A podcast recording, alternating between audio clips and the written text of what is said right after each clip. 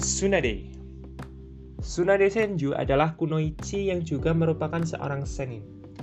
Tsunade juga merupakan Hokage kelima, Master Ninjutsu medis, serta satu-satunya klan Senju yang diketahui masih hidup. Sifatnya suka berjudi dan santai, namun keras dan judes seperti Sakura. Tsunade memiliki asisten yang bernama Shizune, yang juga merupakan keponakan dari pacar Tsunade.